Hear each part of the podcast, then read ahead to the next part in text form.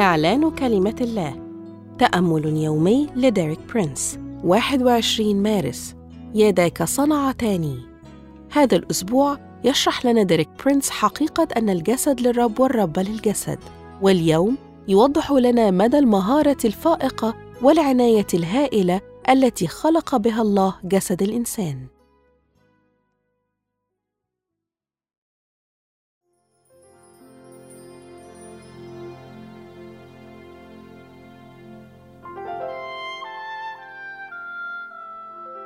يوجد ترابط رائع بين سفر التكوين وسفر أيوب في نواح كثيرة.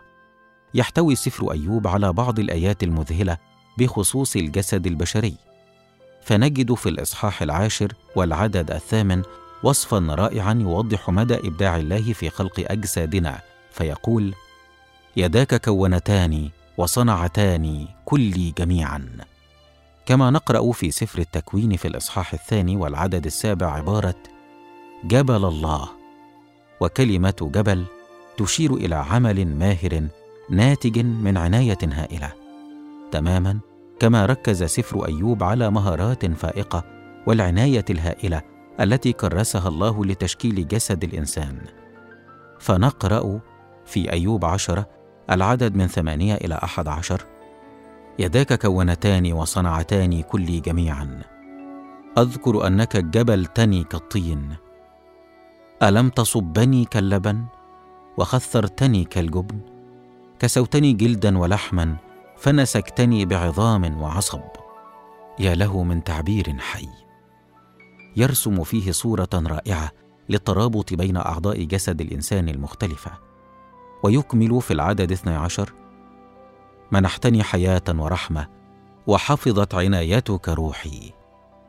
ثم يذكر في الإصحاح الثامن والثلاثين الجانب الروحي لطبيعة الإنسان فيقول ولكن في الناس روحا ونسمة القدير تعقلهم. وهكذا نرى روعة الترابط بين سفر التكوين وسفر أيوب في مدى قدرة الله في خلق الإنسان حيث يتفقان بوضوح على حقيقة هامة جدا أن اتحاد نسمة الله التي من فوق مع الطين الذي من الأسفل هو ما خلق شخص الإنسان الكامل.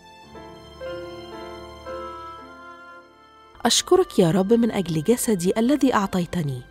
لقد خلقتني باتحاد نسمة الرب التي من فوق مع الطين الذي من الأسفل وأعلن أن جسدي للرب والرب لجسدي. آمين. للمزيد من الكتب والعظات لديريك برينس قم بزيارة موقعنا www.dpmarabic.com